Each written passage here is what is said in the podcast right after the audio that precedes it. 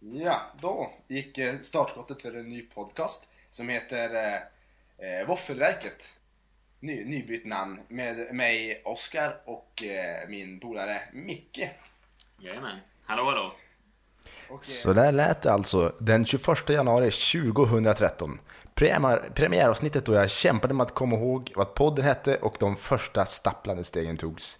För er som inte vet det så lyssnar ni på Våffelverkets sista avsnitt. En lång men fantastisk resa har vi haft. Eller vad säger du Micke? Absolut. Och eh, en oväntad resa måste jag säga också. Nu fick jag in en liten eh, hommage till eh, Hobbit. Ja, en oväntad resa. Ja, en oväntad resa. Ja, men eh, jag tänkte aldrig att det skulle bli så här många avsnitt som det faktiskt har blivit. Nej, hur många tänkte du att det skulle bli då?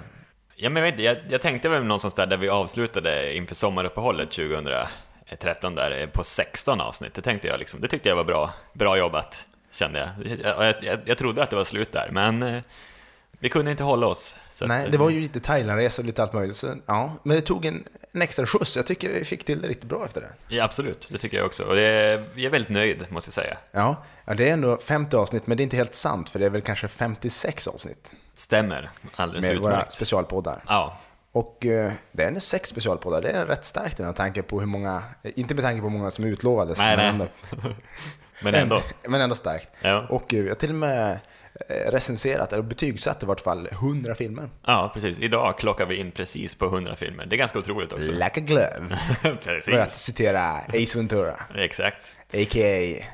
Jim Carrey. Jim Carrey, ja. Jävla hjälte det där alltså.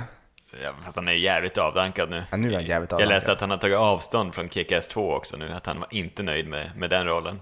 Nej, nej jag det var ju någon slags comeback för honom, men det blev ju inte det som han hade tänkt sig. Ja, efter Poppers pingviner, då har han ju som sagt upp sitt existensberättigande kan jag tycka. Det är en riktigt mysig film.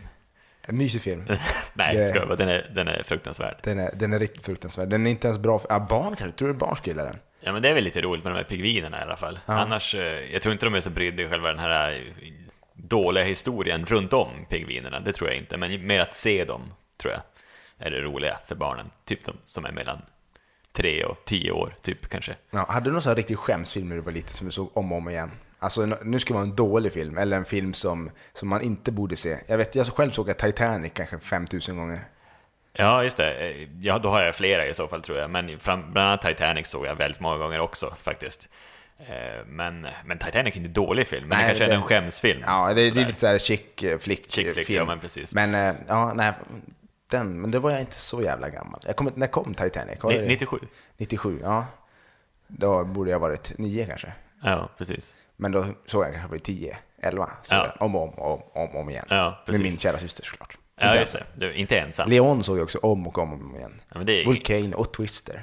ja, Volcano och Twister är väl inga toppfilmer egentligen. Nej. Nej, jag tyckte också de var bra, båda två, när de kom, men jag tror inte de är så bra nu, om man säger dem. Dragonheart är en sån här guilty pleasure jag har. Ja, och den kan jag fortfarande uppskatta. Absolut. Den är, den är skön. Sean Connery gör rösten till draken. Mm, precis. Men, åter till dig. Vad, vad, hade du, vad har du för skämsfilm som du såg när du var liten? Då? Ja, men precis. Jag jag sitter och funderar här vad som, eh, vad som, som när jag var liten, jag vet inte, jag såg väl mycket barnfilmer då. Det var mycket Turtles, det har du ju berättat för Jo, ja. precis. Men det skämdes jag väl inte för riktigt då.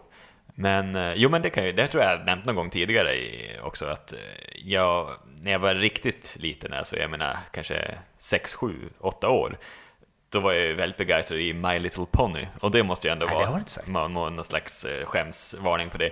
För mormor hade en eh, My Little Pony-video på VHS då givetvis. Eh, Jag tror det har någonting med, med Regnbågsslottet eller något sånt där heter. Fantastisk film, jag såg den typ två gånger per dag när jag var hos mormor. I och för sig fanns det inte så mycket att göra kanske då när mina kusiner var i, i skolan och jag väntade på dem. För på något sätt hade vi aldrig lov samtidigt. De eh, bor ju inte i samma stad som, som mig, så när jag var och hälsade på så, så vi, vi liksom klockade aldrig in rätt på, på de olika loven. Det är sport- Sommarlovet. Sportlov brukar det vara så att de går omlott i hela Sverige. Ja, men precis. Bland annat det är säkert på, påsklov. Nej, det borde ju vara samtidigt. Ja, det är nog Men- samtidigt. alla något- religiöst kopplade lov bör vara ungefär detsamma kan Ja, jag det är sant. Men det var nog sportlovet kanske. Och då hade jag väl inte så mycket att göra, så då, och mormor hade typ bara den där filmen, så då blev det möjligt på den. Men jag gillade den, jag kommer ihåg den. Den var, den var, den var ju läskig samtidigt också. Det var han skurken som var med, jävligt otrevlig. Han hade någon, eh, han hade horn, såg ut som någon eh, djävul, typ, med, och hade bockskägg och bockhovar.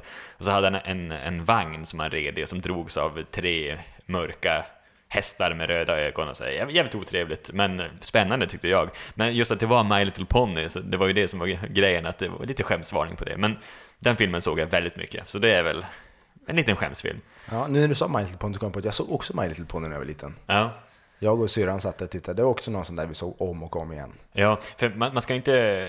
Det, My Little Pony var ju bättre förr, tror jag. Alltså man, Fast det finns ju en hel kultur nu, de här bronies som eh, liksom vältrar sig i eh, Friendship is Magic-serien. ja, just det. Två precis. säsonger. Jag har inte sett det själv. Nej, men, men just att det, det, det är så mycket vardaglig skit i, i dem nu. Liksom. För jag kommer ihåg att det fanns en sån serie också som gick på eh, barn, eh, barn-tv på morgnarna. Eh, jag trodde att det var My Little Pony, den här lite mer spännande, lite mer saga.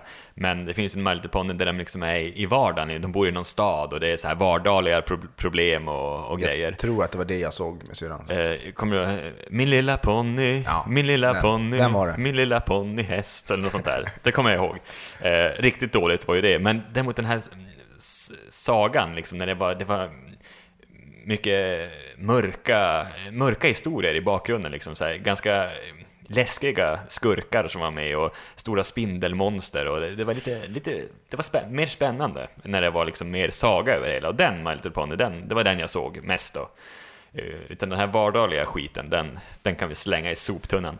Ja, det var nog den jag såg. Men annars, jag vet, en annan film jag tyckte om att se när jag var liten, när vi, när vi är där och gräver, det var ju Super Mario. De här kortare avsnitten tror jag det var. Ja, Tecknat. absolut. Ja, och även otecknat kom ju in där som någon slags mellanspel. Ja. Visst var det den serien Ja, du tänkte precis. på? Ja. Det var ju ganska uselt tror jag egentligen, men jag tror ändå man, man uppskattade det på något sätt, men jag tror det var ganska dåligt. Men när man var liten så fick man ju uppskatta konstiga grejer, så är det. Ja, så var det väl. Eh, På tal om Super Mario, har du sett den otecknade? Nej. Nej, det är, ju, det är ju också, om man skulle gilla den så blir ju det en skämsfilm, för det är ju en av de sämre filmerna som har gjorts. Eller Turtles-serien från början av 90-talet. Otecknade. The Next Mutation. Ja. Mm, just det. Det är början på 90 va? Mm, det tror jag nog. Förskräckligt dålig är den. Ja, precis. Oerhört dålig. Jag har sett första avsnittet på den. Ja, det räckte. Bara- Det räckte. Då dömde jag ut den på en gång. Den var, ja, inte, inte bra. Nej, nej. Inte som den klassiska tecknade serien Det är bra från, från slutet på 80-talet. Det är fantastiskt. Tecknat, det, det har ju sin fördel att det håller alltid måttet. Om manuset håller måttet. Och man har alltid kunnat skriva bra skit, så att säga. Ja, och liksom om man såg det med unga ögon, där man liksom sket i det här, de här moralpredikan som var i många, många tecknade serier, så då, då köpte man det med hull och hår. Liksom. I, I dagens läge kan det ju bli lite klyschigt, kan man väl tycka. Ja, ibland står de här moralpredikan som säger en i hals, upp i halsen. Liksom. ja, men verkligen, verkligen. Men eh, jag tänker, ska vi göra så att vi kör igång kvällens film?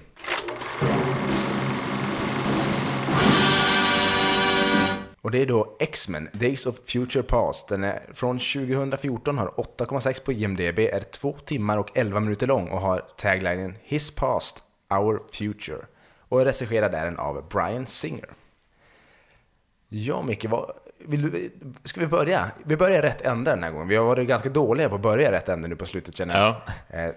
Skulle du kunna ta handlingen väldigt eh, sparsmakt sådär? Ja, precis. Det är mycket tidsresor i, i den här filmen, så att eh, det, det, det blir ju lite... Det blir lite rörigt sådär, men, men på något sätt tyckte jag ändå att de gjorde det snyggt i själva filmen. Man kunde ändå hänga med, trots att de hade varnat att det kan bli lite rörigt. Men hur som helst så är det ju så att eh, vi kastas direkt in i början på filmen i en mörk, mörk framtid där eh, mutanterna jagas av något som kallas The Sentinels, som är stora robotar egentligen, som, som jagar mutanter och dödar dem liksom. Ut, försöker utrota hela mutantsläktet om man säger så.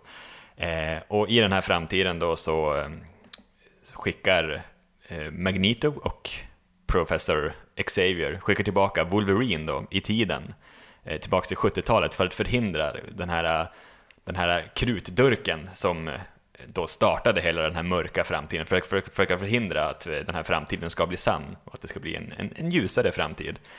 Eh, och i och med detta då, så när Wolverine åker tillbaka i tiden så, så träffar han ju på eh, de yngre förmågorna. Han ska ju försöka ena de, de yngre förmågorna av både Magneto och eh, Xavier.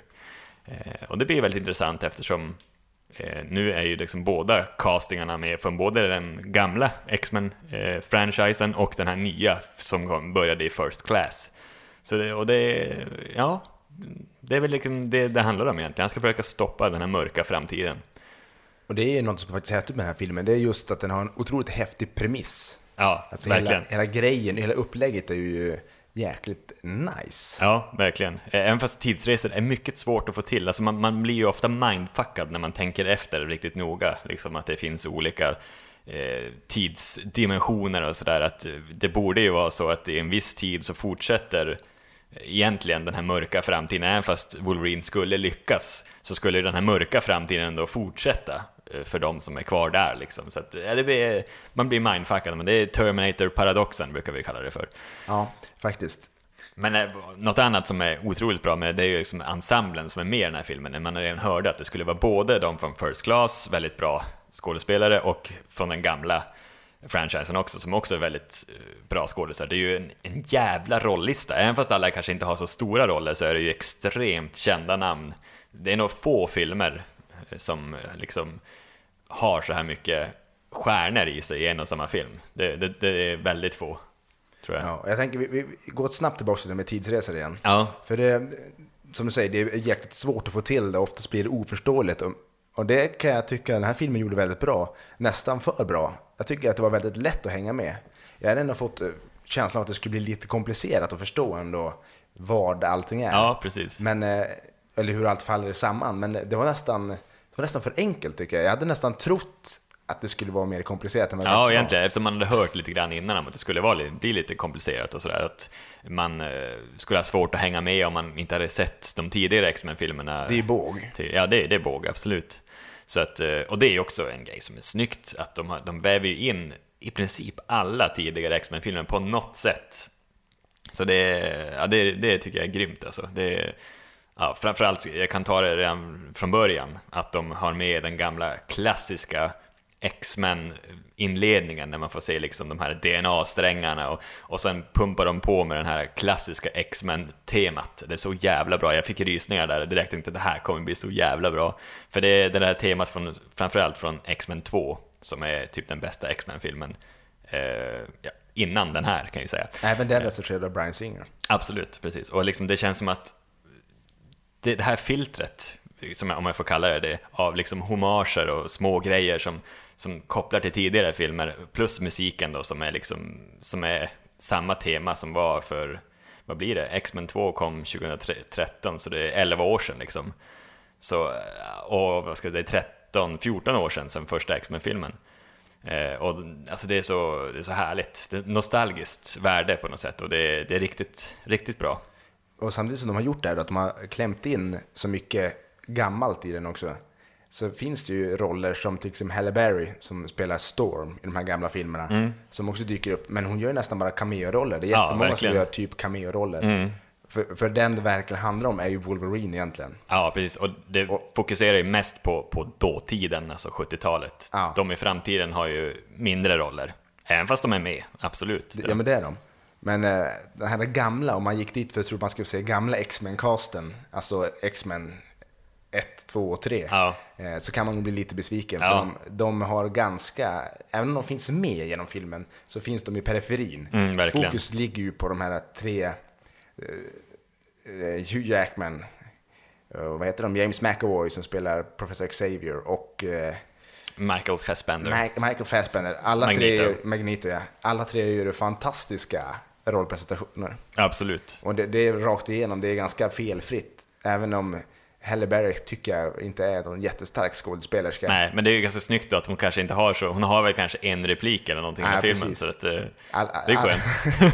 det löste de ju snyggt. Ja, verkligen. Hon är, det finns många som tar sig runt ganska bra på eh, sitt utseende bara. Ja, precis. Hon var ju tydligen gravid också under inspelningen, så det var lite därför hon blev nerkortad också tydligen, för att det var svårt att göra actionscener liksom, och försöka ta in någon. Hon ville gärna göra dem själv och liksom, då blev det inte så mycket hon hade väl kanske inte så mycket tid med inspelning heller, men hon kanske var höggravid till och med. Ja, jag tycker mig också hört i någon intervju, om det var med Hugh Jackman kanske, när han sa att hon fick göra ganska korta scener för att de skulle lyckas klämma ner henne i den där X-Men-dräkten. Det var inte så lätt när hon var Nej, gravid. precis. Det tänkte man ju inte på i, i filmen i alla fall. Nej. Hon är inte med i så många scener, men man såg inte någon, någon, någon bulle i ugnen där inte. Nej, precis. Och det, det, hon har ändå helkroppsbilder på henne när hon står där och kör sina thunderstorms, eller vad man kallar Ja, dem. ja, men precis. Och det är ju...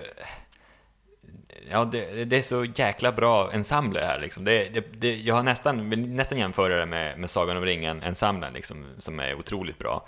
Men just det här att liksom alla känns så jävla bra för sina roller.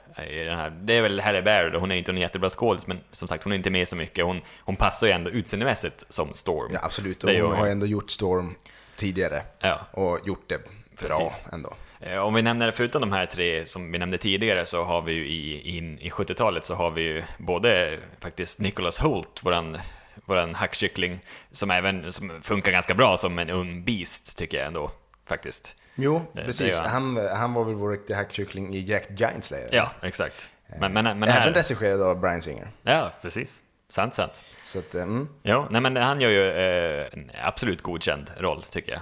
Det måste jag säga. Och eh, står ju för lite av liksom eh, det roliga också. Lite, lite comic relief sådär. Ja. Eh. Men annars så tycker jag det är ganska lite comic relief i filmen. Ja, det är det. Det, det är ju... Men det, jag saknar det inte, måste jag säga. för det finns ju, bland annat den här karaktären Quicksilver som Ja, dyker upp. fantastiskt. Fantastiskt. Och där Ja. får vi också se, utan att spoila för mycket, får man ju se effekter som är sällan skådat. Ja. Mm. Vi såg detta i 3D kan man säga. Och äh, jäklar så tajt det var. Ja, precis. Och skön, skön karaktär. Precis, han är ju verkligen comic relief i den här filmen. Han, tyvärr har han ju inte heller så jättestor roll, men... men Jag tror inte att det är tyvärr, jag tror att det är tack och lov så hade han ganska liten roll. ja, men okej. Ja, men det har du kanske rätt i. För Att jag, jag kan tänka mig att skulle de överanvänt honom så hade det, hade det nog man blivit less på honom. Ja. Eller så hade det, det hade blivit för pajigt ja, kanske. det har du rätt i. Nu jag tänker på det. Så jag tror att det Smart. var perfekt balans på Ja, honom där. precis. Man, man vill ändå ha lite mer av honom och jag tror att det, det är så det borde vara. Ja, precis. Intressant med Quicksilver också, att han kommer göra en, en appearance i nästa Avengers-film, då spelad av någon helt annan person. Mm. För att det är tydligen, de har lite olika rättigheter här. Eh, att, för det är ju Marvel, båda två. Men eh, ena är ju 20th Century Fox, och Avengers tror jag är, kan det vara? Universal? Jag vet Ja, inte. Ja, inte. men ett annat filmbolag i alla fall. Och de här båda liksom har ju rättigheterna till den här karaktären, men han kommer ju spela en, spelas av en helt annan person i, i Avengers sen då. Så att, eh, då får vi se hur det blir. Lite konstigt kommer det ju kännas, men, Mm. men, ja. men här gör han i alla fall ett bejublat framträdande och ett, eh, ett, ett lagom framträdande. Ja. Perfekt. Evan Peters heter han som Ja, spelar Quicksilver. just det. Precis. Men en annan eh, trevlig kille att få se, det var ju eh, Peter Dinklage. Just det. Det är svårt att uttala hans efternamn. Mm. Även känd som eh, dvärgen i eh, Game of Thrones. Mm. Tyrion. Tyrion. Tyrion, ja precis. Det måste vara en av, det är hans första stora filmroll det här. Och det är ju tack vare Game of Thrones kan man ju tänka det sig. finns mycket. Om man tänker, att snacka om att den här mannen har gjort ett bättre val när han får spela Dr. Trask Mm. istället för eh, Jon Snow. Jon Snow som får- spela sexpack i Pompeji. Ja, det var allt han var i Pompeji, det var ett Ja, sexpack tror jag. precis. Men eh, ja, det är mycket bättre management bakom honom möjligtvis. Ja, absolut. Och även, han är ju jätteduktig skådis, absolut. Plus att jag Nej. tror han nöjde sig med en biroll, vilket han har här. Mm, en ganska precis. stor biroll förvisso. ja, absolut. Precis. En, en, en, en, en drivande karaktär, absolut, Ja. i filmen. Sen har vi inte att förglömma så har vi ju alltså, kanske en av de absolut största stjärnorna just nu är ju väl ändå Jennifer Lawrence som spelar Mystik här. Eh, har ju också en ganska stor roll i den här filmen. Ja, faktiskt väldigt stor. Ja. Tidigare har hon också varit en bikaraktär Ja, precis. på många sätt, bredvid Magneto då. Ja. Men nu är hon ju faktiskt, eh, hon är ju antagonisten här. Ja, precis. Det kan man ju, exakt. Fast det, även, eh, det finns ju fler antagonister, men hon är ändå den mest tydligt utpräglade. Ja, precis. Om man ser till liksom vad, vad filmen handlar om Ja. så, så, så är hon ju det. Så det, ja, nej men hon gjorde också en toppenroll. Hon är, men jag vet inte, hon är inte så gammal va? Så hon lär ju ha en jäkla karriär framför sig. Absolut, ja, hon har redan en, en Oscar också eh, i bagaget. Ja, Ja. precis för eh, Civil Lines Playbook. Mm, precis. Och en nominering förra året också för, för eh, eh, American Hustle. Exakt. Så att, eh, ja, hon, är, hon är på gång alltså. Och sen ska vi inte säga eh, Catching Fire tänkte jag säga, men Hunger Games är ju inte någon liten succé precis. Och hon ju, ska ju köra två till filmer så att det, Det- går, det går bra för henne. Det går bra nu. Mm, Jo. det gör det. Men eh, vad skulle du säga är filmens absolut styrka då? Eh, Alltså jag skulle vilja säga känslan. Alltså för jag blev ju helt eh, nästan överväldigad av den här nostalgiska känslan och hur, hur snyggt det var liksom för att knyta samman med, med tidigare X-Men-filmer och, och just att ta tillbaka alla och att alla ställde upp igen, gamla karaktärer och få se dem igen liksom. Och, sen gillar jag framförallt den här, den här 70-talskänslan. Det har de lyckats fånga så jävla bra i den här filmen också. Vi har Yes. pratat om det tidigare också, om det här med scenerier och få till en, ett, en viss epok i tiden. Och det har de lyckats med så jävla bra i den här filmen också. Absolut, och de har lyckats göra det väldigt nedtonat också. Ja. Det, det, det känns naturligt. För menar, American Hustle var lite på gränsen, det var nästan lite, lite väl häftigt. Mm, precis. Men, men här är det ju, det känns, det känns naturligt när de dyker upp där. Ja. Så, ja det har du rätt i. Ja, så så det, det, det, det var något jag tänkte på när jag satt och såg att det är riktigt, riktigt härligt 70-tal har de fått till. Eh, sen, eh, ja, men det är, väl, det är väl just den helheten på den här känslan jag får som, som, är, eh, som är filmens styrka. Sen tycker jag att det är inte så mycket som är dåligt egentligen med den här filmen måste jag säga. Det är, alltså, det är en jävligt bra historia tycker jag också, jävligt bra skådisar. Eh, sen tycker jag om att eh, Richard Nixon gör ett, gör, gör ett inhopp här. Det är så, så tydligt att det är ju han eh, som är presidenten i USA just under den här tiden, liksom, med näsan. Och jag tror till och med den här karaktären har spelat Richard Nixon i någon annan film. Jag, jag är nästan säker på det, för han är så lik honom. Liksom. Och det är som så skönt att de, de hymlar nästan, de nämner ju aldrig hans namn, men man, det är ju likheten. Han är ju otroligt lik Richard Nixon, så det är så, så, så skönt på något sätt. Eh, innan, det här måste ju ha varit innan Watergate då. Men eh, den, den gillar jag också, det var som så... De hymlade inte med vem, vem det var. Det brukar ju ofta vara så att de har in en president som är liksom vem som helst. Men här liksom, de hymlar inte med vem det är. Det tycker jag är skönt. Men precis. Men det jag tänker, det jag fastnade för i den här filmen, i och med att jag kanske inte har samma nostalgiska band till X-Men, även fast jag såg serien lite när jag var liten, så var det ju effekterna. För det här är ju en, likt Godzilla- Godzilla, en fruktansvärt snygg film. Och absolut de här Quicksilver-scenerna, actionsekvenserna där, de är ju fantastiska, Ja.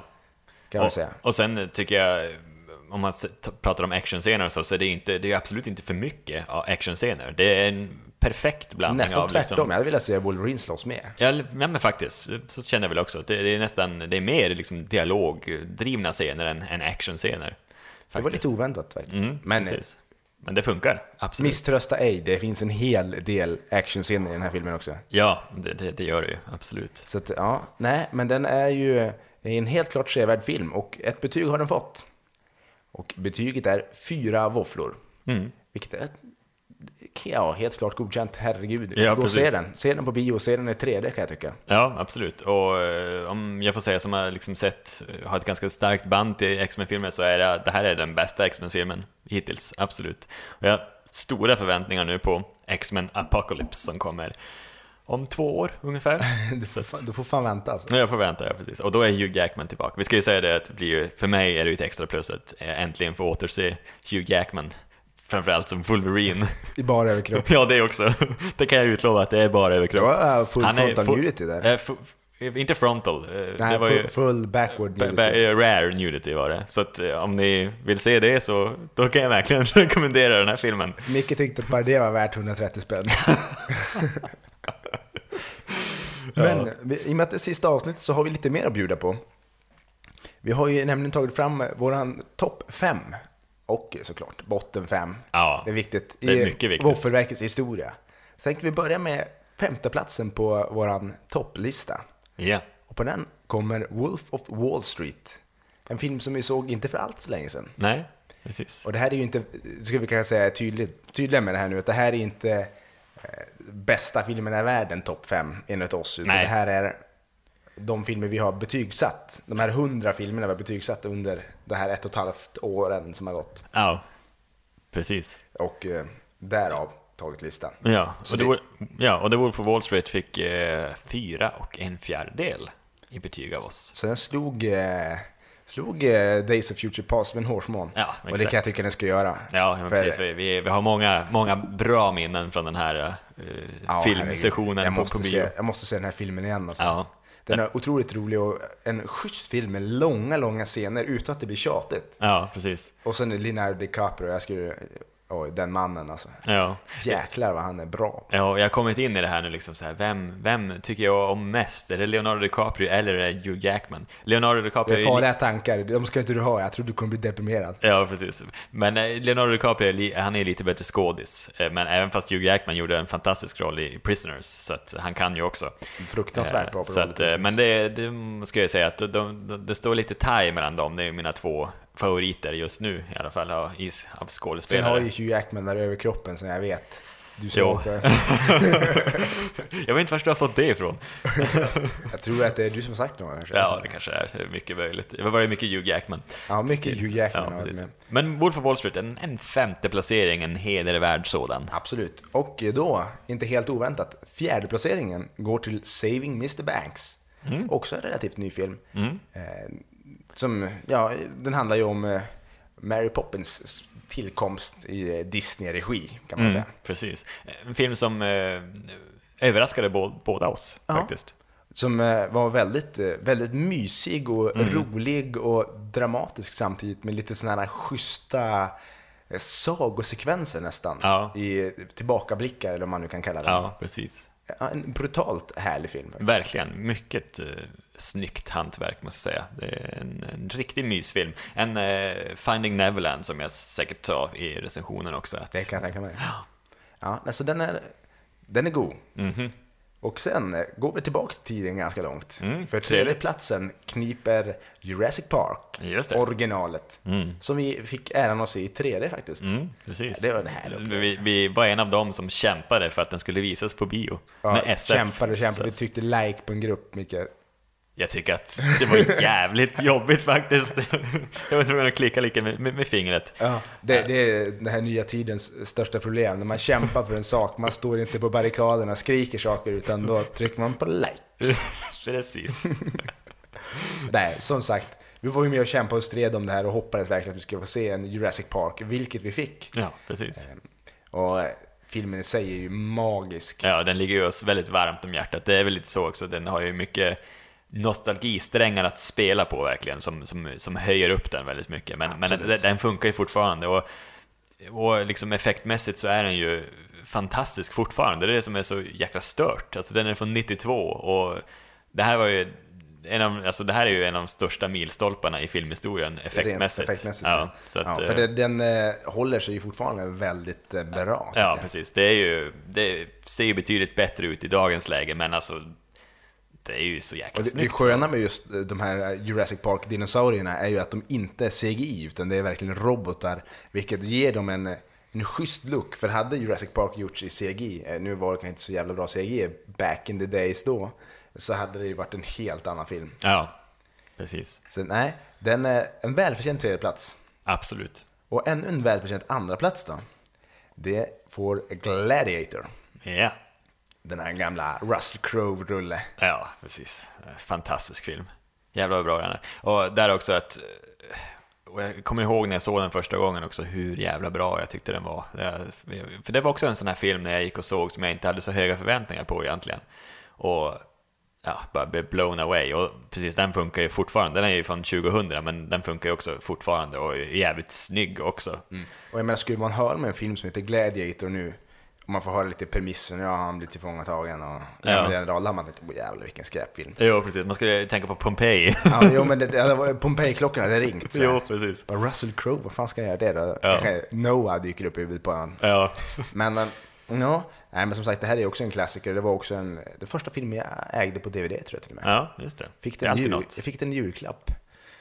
Den såg jag också oerhört många gånger tror jag. Ja. Fantastisk film. Ja, precis. Vi vi ska ju säga att eh, de här filmerna som, som vi har räknat upp nu har ju alla fått fyra och en halv våffla var. Ja, precis. Precis. Och sen har vi godtyckligt, kan vi säga, delat ut dem på andra, tredje och fjärde plats. Precis. Men den filmen som har fått högst betyg någonsin i Våffelverkets historia är faktiskt eh, Smaugs ödemark, eller The Desolation of Smaug. Hobbit, andra filmen. Mm. Och eh, ja, fan kan man säga, det är en otrolig film. Ja, precis. Och är hög tid att se den igen. ja, sen kanske vissa höjer på ögonbrynen nu och tycker "Fan, är den verkligen bättre än Gladiator? Men eh, det, om vi räknar i Våffelverkets mått när vi liksom nu är det är en ny film vi har sett liksom en gång på bio, blev blown away, den fick den fick betyg efter detta och just därför ska den ha första platsen. Ja, och sen är det ju, det kan man ju motivera på mer sätt, det är ju också en, en fantastisk historia. De hade tagit en liten, liten skitbok och blåst upp den i tre mastodontfilmer Ja. och ändå lyckats hålla den nivån de har gjort hittills. Ja. Och jag misstänker att det kommer inte bli sämre, utan det Nej, kommer att hålla den nivån. Det, det hoppas jag verkligen. Och som sagt, det är att de, de gjorde det bättre än första filmen också. Det, känns, det är jävligt ovanligt för en mellanfilm. Ja, det brukar ju vara transportsträckan till sista Mm, episka precis. uppgörelsen. Ja, precis. Som man ser mycket fram emot, som kommer väl i... I december kommer den. Oh. Ja, det blir spännande. Då hoppas vi att de släpper förlängda på Smaugs först. Mm, det tror jag. Den kommer säkert i november, så det brukar vara, brukar vara så. Ja, Det blir, bara, det blir öppna börsen då. Ja, det, det blir det. Men om man köper en Blu-ray per år så ska det gå bra. Ja, definitivt. Det, tror jag man kan fixa. Ja, det, är nog mer det är nog mer än en per år jag köper. Så. Ja, Eh, konstigt när Pain and Gain fick komma med. Jag tycker den är jävligt ja jag, jag satt och funderade på eh, eh, The Rock faktiskt. så Ja. fick inte den vara med. Det är skumt. Det finns mycket bra film som inte är på den listan. Ja, precis. The Rock fick inte så jättebra betyg av oss, men, men eh, det är en sån där film som jag uppskattar väldigt mycket ändå. Ja, ja, den är en otrolig film det också. På många sätt. Förutom Nicolas Cage. Ja, jag gör en okej det. okej pres- eh, prestation där. Ja, precis. Men han är ju ändå alltid Nicolas Cage. Ja, Nicolas Cage är alltid Nicolas Cage. Dock så har det kommit en ny film som jag inte kommer ihåg riktigt vad den heter. Den är Joe. Joe, som jag tror kan vara skaplig. Mm. Den har man hört bra om faktiskt. Ja, och där har vi Nicolas Cage i huvudrollen. Så Ja. den kanske man ska våga sig se då, jag vet inte. Ja, Det kan, det kan vara en idé. Ja, precis. Det är ju som eh, jag läste tidigare om att eh, man ska se någon film där, där Nicolas Cage gör ett fantastiskt skådespelarjobb. Ska man liksom... Jo, det var ju om filmmaraton det handlade om. Man skulle se en massa filmer som hade en, en, ett tema. Och då var det ett av temana att eh, Nicolas Cage gör en eh, jag vet inte, det var väl inte Oscarsbelönad roll, men alltså en, en, en väldigt framträdande och väldigt bra skådespelarinsats. Det fanns bara en. Och, det är Farväl Las Vegas som han faktiskt vann en, en Oscar för. Eh, fantastiskt bra är han ju verkligen i den filmen, men det finns ju verkligen ingen annan där han är Du måste ha spelat sig själv liksom, jag vet inte. Jag, kanske, jag, jag tror att han var full på riktigt, han spelade ju ett fyllo. Jag tror, jag tror han söp på riktigt under inspelningen bara att liksom Men det är ju fuska. Egentligen, men, men alltså han är riktigt bra i den faktiskt. Ja. Men jag tycker vi går vidare till lite statistik från dig innan vi tar bottenlistan. Ja, just det, precis. Lite sådär mellan, mellanspelet, intermezzo. Ja, exakt. Precis. Eh, och där kan jag återko- återkoppla till ordet jag precis sa, som jag sa en gång till nu, precis. Eh, jag tror att jag har sagt precis eh, 27 500 gånger under de här 56 avsnitten. Jag är ganska duktig på det. Det har blivit mindre och mindre. Ja, och men ni, i och ni kära början... lyssnare har bara hört kanske 500 av dem precis. För Mm. en, en annan stackare har och klippt bort den Ja, ja, precis, precis. Eh, ja, och, eh, Oskar, du har hållit i handbromsen 25 gånger när jag har dragit iväg i handlingen. Ja, då måste man vara beredd på att stoppa dig. Jo, precis. Det, det är många gånger. Och sen har, har, du lyckats fastna i eh, att du har sett ett tiotal filmer där, där manuset eh, har lika många hål som en schweizerost. Väldigt återkommande. Så det är många man- tunna manus. Många tunna manus, men vad kan man annars säga tänker jag? Nej, jag vet inte. Det känns som en bra så- sån här- Absolut, jag tycker att den är klockren. Men det är ju roligt också att vi har råkat träffa på så jävla många Ja, manus. som en T-sil kanske man kan säga. Ja, jo. Det är lite fler hål. Ja, det är jävligt många hål. Det, det är inte en bra film. Nej, det är det inte. Ja, eh, det är väl egentligen Mickes fantastiska statistik. statistik, ja, precis. Ja. Precis. jag ska öka upp nu till, jag ska komma upp i 28 000 gånger innan vi är färdiga. Ja, men det låter som en strålande idé. Men då tycker vi kör botten fem också. Och på femte plats, alltså den eh, femte sämsta filmen som jag har sett i Våffelverkets historia, är Wrath of the Titans. Eh, Slash Clash of the Titans. Ja, Det här är precis. förskräckliga filmer. Ja, jag förstår inte. Det är så, så bra grundhistoria att bygga på den här grekiska mytologin, men så jävla dåligt utfört. Det känns som att många som gör de här grekiska mytologifilmerna har lite den känslan att det är så jävla bra story det här grekisk mytologi. Det här kan inte gå fel. Men det kan det. Jo, det kan det Och verkligen. oj vad det gör. Och sen om vi snackar om, det här kanske inte är ett Schweizerrotsmanus, men det är liksom ett, ett manus som eh, i princip, Lämnar att önska. eh, ja ganska mycket lämnar att önska. Det är tunt, ska jag säga. Riktigt jävla tunt. Det, det, det är som att de har improviserat hela filmen. Den har ju trots allt fått en och en halv våffla i alla fall, men det är ju inget bra betyg ska vi ju säga. Absolut inte. Och eh, på fjärde plats, nu är vi lite kontroversiella här tror jag. Ja. Men på fjärde plats kommer Evil Dead från 1981. Mm. Denna kultrulle, Absolut. vilket gör den sevärd kan jag säga och vilket gör att jag tycker väldigt mycket om den. Just att den är, ja den har ju någonting, det finns ju någonting intressant med den och den var ju förmodligen hyfsat banbrytande. Jo, då, då var den ju säkert väldigt bra. Men som sagt, vi såg ju den med, med våra nya ögon och, Våra 2013 års ögon. ja, och då såg vi en hel del eh, floskler, kan man säga. Det, var ju, det är ju långt ifrån en fulländad film egentligen. Med förskräckligt skådespeleri Ja, verkligen. urusla effekter. Ja. Men som, En låg budget ska vi säga till dess försvar. Ja, en låg budget från 81, så det går inte att kanske klanka så mycket på effekterna. Men, men den här filmen lämnar ju också en hel del att önska. Ja, Vi såg också en remake som kanske var lite bättre, men lämnade också en hel del att önska. ja Jag precis. skulle vilja se en, en Evil Dead med lite mer så här äh, schysst äh, underton. Lite, inte, inte så skrikig och blodig, utan bara riktigt jävla obehaglig. Mm, precis. Och kanske lite smartare karaktärer. Ja, gärna Inte, de här dumma ungdomarna. Nej, det är, det är ju den klassiken. Ja. ska, ja, jag vet inte hur många gånger man pratar om det här. Jävla Scooby-Doo-mentaliteten. Mm, Att det blir farligt, jag vet, vi delar upp oss. Ja. Idiotiskt. mycket. Skulle vi hamna i en stuga tillsammans och någon blir besatt av demoner och det kommer grenar in och väggen, jag skulle inte lämna din sida kan jag säga. Nej, precis. Men det är liksom, eh, det pratade vi också om i just eh, Evil Dead-avsnittet här, att eh, det vi kallar det här för stugkomplexet. Eh, Att eh, stugan är ju extremt liten ser den ut att vara, men ändå lyckas liksom folk komma ifrån varandra i olika rum och sådana saker. Det känns jävligt ologiskt, för den är ju väldigt liten, ser det ut som. Det ser ut som fall. en sån här, kanske två rum och en kokvrå Ja, typ. utifrån, men den är gigantisk Ja, inuti. mycket, mycket, mycket konstigt. Eh, På tal om det här med grenar som kommer in genom, genom rutan och det händer konstiga saker så, så, så är det ju en hel del eh, filmer. Jag vet inte, har du sett Alone in the Dark? Nej, alltså jag har sett väldigt lite sån, den här sortens film. Ja, det är sant, ja precis. Eh, där också händer en hel del konstiga grejer på ett, eh, i ett hus. Eh, och det, det dröjer väl ganska länge, han har väl fått någon demon över sig och eh, väggar som har börjat leva och helt plötsligt utbrister han There's something fishy going around in here, eller något sånt där. Då kommer han på att det är något skumt som pågår. Ja, det är så jävla, det är ju så jävla dålig den filmen också. Uwe Boll tror jag faktiskt Ja, han är den. ju känd för sin eh, kvalitetsfilmer. Ja, precis. Men vi går vidare. Till tredje plats så har vi då After Earth. Mm. En film som faktiskt bara du har sett. Mm, precis. Det är inte helt vanligt att bara en av oss har sett dem. Nej, Men eh, den här har bara du sett och jag känner inget större behov av att se den då den är rätt sågad, minst sagt. Mm, absolut, alltså det är oerhört dåliga skådespelarprestationer, det är en, ett, en otroligt tunn historia och ett eh, ganska dåligt genomförande egentligen. Eh, ja, vi ska säga det, den, fick ju, den här fick ju en våffla. Jag vet inte om vi sa på, på Evil Dead att eh, den fick en våffla och en fjärdedel. Och det här är ju då snäppet sämre på After Earth som får en våffla. Alltså, och som jag sa i avsnittet också så ska Jaden Smith och Will Smith, alltså far och son, sluta göra film tillsammans, för det blir inte bra. Det blir inte särskilt bra med någon av dem någonsin egentligen. Nej. Will Smith har några schyssta presentationer. Jaden Smith, han är, han är så liten än kanske. Ja. Eller nu kanske han är 18, 19, jag vet inte. Nej, han måste vara yngre. Ja, 15 kanske, sjö- 16. 16, 17 kanske. Ja. Ja. men det, fan. Han kanske kan bli en bra skådis, men han är inte en bra skådis. Är Även inte. Mm. Karate Kid har de gjort en ny, där han håller på med Kung Fu, men det heter ändå Karate Kid. Också en förskräcklig film. Mm. Så att nej, han bör fundera på att kanske studera till någonting annat. Ja, exakt. Men eh, vi går vidare.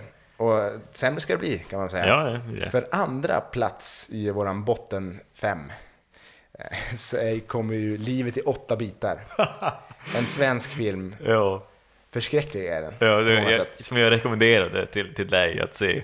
Ja, och du- du, du tyckte inte heller att den var särskilt bra? Nej, det gjorde jag inte, men, men just att det var den här tv-spels... Eh, handlingen som är ändå rätt skön, den här kopplingen som finns i den här filmen. Men sen är den ju ganska, ganska skräpig film. Den har, ju, den har ju vissa, alltså en viss skärm som kommer just från den där åtta bitar grejen. Ja. Men sen har vi liksom Kjelle Bergqvist som kör någon sån här... Hans gamla klassiska roll. den Hans rollen- enda roll Hans egentligen. enda roll, arg och nej. Ja. Det, och hela manus, det, det jävla körigt manus. Man, man fattar ju inte riktigt vad som händer helt och hållet. Nej. Ja, nej, den är, den är en ot- otroligt dålig film faktiskt. Ja, jag kommer ihåg hur chockerad jag var när du, när du berättade hur jävla dålig du tyckte den var. Du jämförde det med någon sån här skräpfilm du hade sett på någon premiärvisning eller något sånt där på... Ja. Jag vet inte, var, var det på Folkets bio eller vad Nej, nej, nej, det var på vanlig bio. Ja, just det. Det, var, nej, det var också en förskräcklig film, men Mm. Ja. jag kommer inte ihåg vad titeln var. Nej, den, den, var, den var för dålig. Men Den den, Livet i för 8-bit var lite bättre än den i alla fall, tyckte du? Ja, Ja. en hårsmån. ja. Men en våffla förtjänade den här när den begav sig. Ja. Och sen så absoluta botten är ju då Scary Movie 5. Ja. Det finns en scen, eller ett, ett ja, scen kan man säga, när Charlie Sheen och Lindsay Lohan ligger i sängen tillsammans och tittar på någon skandalreportage om någon av dem och de säger lite roliga grejer om att de har ställt till det. Och Ja. Väldigt så här äh, jäkla självdistansade båda två när de sitter och driver med det. Ja. Det var det enda som var bra i hela filmen, det visar mig i trailern. Mm. Då fick man garva lite grann åt att de är, verkar vara rätt sköna och rätt självmedvetna. ja. Men annars en jävligt usel film. En djävulskt usel film. Den Ja. är, ja, den är, den är, den är avråder jag alla från att se. Ja, det blev en halv våffla för den här stackaren. Det är det absolut sämsta betyget i Våffelverkets historia. Ja. den. Och det ska de fan ha jag tycka. Det, det tycker jag, absolut. Eh, men du, innan vi fortsätter så eh, kör jag lite mer kuriosa, lite grann, lite medelbetyg och sådär. Ja. Har jag faktiskt räknat ut. Vi har ju landat på ett medel på, på just över tre våfflor, så vi har varit ganska snälla i våra betyg. Eh, faktiskt, det har vi. Så det, det är vårt medel på dem. Vi har sett för det mesta ganska bra filmer ändå, tycker vi, tycker vi i alla fall. Eh, Vi har väl valt ut en del som, som vi vet Ja. har varit bra också i och för sig. Och sådana som vi tror kommer vara. Sen kommer ju de här som vi också tror ska vara bra, men som inte eh, är så, så jävla bra. Ett exempel på, det tror jag vi pratade om tidigare, de här största besvikelserna och st eh, största överraskningarna och sådär, det har vi ju behandlat Årskrönikorna va? i årskrönikan, precis. Eh, så att eh, typ Man of Steel är ju en av de absolut största besvikelserna vi hade. Och Russian, de absolut största överraskningarna. Precis, exakt. Det kommer jag ihåg. Det var grejer det. Men eh, jag tänker den filmen som faktiskt har skakat om ens värld mest, eller i alla fall i mitt fall, och jag tror även för dig, det var ju när vi såg Happiness. En eh, film som är rubbad, men samtidigt jävligt bra på något vis. Den är svårdefinierad. Ja, Och det- jag tycker alla borde se den. Men att man kanske bör se den ensam. ja verkligen. Eller med någon, någon person man är väldigt trygg med. I, ingen första dejt. Nej. Den är ju oerhört obehaglig, fast inte på ett liksom skräcksätt på något sätt. Nej. Eh, Jävligt obehaglig film. Kontroversiell kan jag tänka mig Ja. på många sätt. Jo, nej, jo, det var, det var, en, det var en upplevelse. Ja, för jag tror att det var nog den som skakade om det mest. Ja, precis. Det var, den, den var svårast att recensera. Ja, verkligen. Det kan jag hålla med om. Att eh, det kändes, det kändes, det var, det var svårt. Eh, Jag har inte sett den igen kan jag säga. Inte jag vet, vet, om jag, vet inte om jag kommer göra det heller. Med den eh, bortlidne oh, Philip Seymour Hoffman. Philip Seymour Hoffman. Ja. Många bortgångar har vi haft också eh, under vår tid. Ja, i- vem har skakat den mest? Är det Paul Walker? Jag vet inte, för att han kände, han kände jag inte så mycket för om man Ja, säger men det så. var rätt oväntat. det var oväntat, han var ju så ung. Ja, Philip Seymour Hoffman kanske var värst. Alltså. Ja, han var ju en, den, en av de bättre som gick bort. Så gamla klassikern Peter O'Toole försvann också. Eh, sen ska vi inte förglömma nu våran egna svenska Malik som är, Malik Bendjelloul. ja precis, också jävligt oväntat och tragiskt. ja. Eh, vi kände att vi hade, vi hade en liten in memoriam här, vi borde haft en sån här eh, dödsmusik här eller någonting sådär. Inte dödsmetall utan någon, någon slags begravningsmusik och så ska vi ha, bara ha en tyst minut och så sitter vi bara här och är Ja, tysta. in memorial. Jo, det hade varit någonting. Men eh, Tyst minut är jävligt dålig podd. Ja, exakt. Det är det. Men jag tänkte att då kan alla lyssnare också liksom, de, Ja, de stannar upp. Jag tror att vi gör så här att vi tar en tyst minut efter podden. Ja. Även ni lyssnare får ta en tyst minut efter podden. Jag tror det, det är bäst så. Jo, det, det, det kanske du har rätt i. Eh, Men jag hade en annan liten eh, intressant fråga som jag tänkte slänga ut för att se vad du svarar utan att ha alldeles för lång betänketid. Så om du skulle bara slänga ut nu, världens bästa film. Världens bästa film. Ja. Alltså, Du behöver inte stå för det sen, bara att du slänger ut behöver dig inte nu. stå för det sen. Nej, för att, du ja, hade- men alltså den, den filmen som är just nu, alltså, jag, jag tycker om filmer som liksom påverkar en lite grann, så man känner något när man ser. Och det är ju faktiskt American Beauty, jag har sett den igen alldeles nyss. Så den, eh, ja, den håller jag högt. Och även Döda på ett sällskap, det var länge sedan jag såg den, men det var nog första filmen som skakade om mig rejält Mm. när jag sett den. Ja, otroligt bra film Så faktiskt. att, eh, någon av de två. Ja, Då kastar jag tillbaka den till dig. Ja, precis. Det blir inte jättesvårt. Jag tror att eh, ingen film någonsin kommer komma upp i... Two Girls One Cup. Du har som fastnat i det där. Jag har inte ens sett den filmen faktiskt. Väntar bara. Nej, jag har inte heller sett Det, det är nästa Oscars... Eh, när vi ser Oscarsgalan nästa år så då får straffet bli det. Man får se den 30 gånger. Oh, jag skulle inte överleva det tror jag. Alltså, jag, jag har sett första 15 sekunder. Jag är införstådd i vad som händer i Ja, filmen. det är jag också. Just därför vill jag inte se den. Nej, Nej. Förlåt. Ja, men eh, Rymdimperiet slår tillbaka. Faktiskt. en riktig klassiker. Ja, absolut. Eh, oerhört bra film. Alltså perfekt på alla sätt och vis. Trots att den är från 80 så, så ja, den är fantastisk. Jag älskar den. Så, och sen tycker jag hela gamla Star Wars-trilogin är ju det, det bästa som har gjorts i, i filmvärlden. Jag såg den för inte så länge sedan. Jag måste nästan se den igen tror jag. Ja. Jag börjar på glömma bort den. Jag glömmer Men, snabbt. men just filmer. Rymdimperiet slår tillbaka är så, alltså den bästa, absolut bästa mellanfilmen i filmhistorien också. Oerhört svårt att få till mellanfilmen, men den är så jävligt bra. Det är så mycket som händer med karaktärerna och eh, en härlig cliffhanger i slutet också. Det alltså, den, är, den är perfekt. Ja, usch. Ja. Fem våfflor, rakt av. Boom! så att, det, låter, ja. det låter bra. Men eh, har du något mer du vill eh, förtälja? Nej, det är väl egentligen det vi hade att, bjuda på idag. Jag, en grej bara, när jag satt och lyssnade på ganska mycket äldre avsnitt och sådär och drömde mig tillbaka till en svunnen tid, inte så länge sedan egentligen, men, men eh, det var faktiskt väldigt roligt. Jag har ju faktiskt bara lyssnat kanske, alltså just innan man lägger ut avsnittet, har jag lyssnat en gång på varje avsnitt, men jävligt kul att gå tillbaka ändå. Jag, jag kunde ändå underhålla, så det är väl ändå ett bra betyg på att man liksom ändå har gjort något bra. Genom att man själv tycker att det är underhållande på något sätt. Man ska ju aldrig liksom tycka att en själv är rolig och liksom att det här, nu har jag gjort något jävligt bra. Men jag tycker ändå liksom att eh, Ja, man pratar ju om sånt som man själv tycker är intressant och det är väl just därför man, man känner att det, det här är fan, det här, det, här är, det här är intressant att lyssna på. Ja, man pratar ju passionerat om det. Ja, verkligen. Så, och sen kan man ju skratta mycket åt många fel man, man gör och felsägelser och sådana saker. Men det är också lite av skärmen tycker jag. Så. Men det var jävligt intressant och, och jag fa- fastnade i vissa avsnitt som var som ändå bättre än vad jag trodde på något sätt. Man, man kommer inte ihåg eftersom vi har gjort så jävla, alltså vi har gjort hur mycket, hur mycket speltid kan vi rulla in på? Ja, 70 timmar kanske. Ja men tror du det är så mycket? Det var 56 avsnitt, det är inget avsnitt i princip som är över en timme. Nej, kanske inte. Så att vi ligger nog under 50 timmar, men, men där kring tror Men jag. vi har ju, det är ju bort, bortklippt lite grejer också, kanske vi ska ett namn säga. Ja, det är sant i och för sig. Men ja, nej men jag skulle runt 50 timmar då. Ja, precis. Och man, liksom, man glömmer ju bort mycket. Man har ju sagt en jävla massa dumheter och säkert en hel del bra saker också får man hoppas. Mycket möjligt, man kan ju hoppas på det. Ja, exakt. Eh, och sköna, sköna grejer har vi myntat. Nolans, ett fantastiskt uttryck för Bananroll. Bananroll, precis. Fantastiskt bra också. Fan vi sitter här och klappar varandra på ryggen. Ja, men jag tycker vi ska göra det i slutet. Vi får klappa varandra lite grann eftersom det, nu, är det, nu är det snart slut. Liksom. Ja, Så nu är det då- väldigt snart slut. Då Alltså. får, vi, då, får vi, då får vi klappa varandra lite grann på, Ja. på ryggen. Och, Men det, det är något jag har tänkt på, att det har gått så oerhört fort. ja, Absolut om man sitter och kollar tillbaka och lyssnar på något gammalt avsnitt bara för att se. Så kan man tänka att eh, man ser avsnitt 8 eller någonting. Man tänker shit, var det avsnitt 8? Eller Cloud Atlas pratade vi om tidigare. ja, eh, Innan vi började spela in. Att det var ju liksom avsnitt, vad fan var det, tre eller någonting.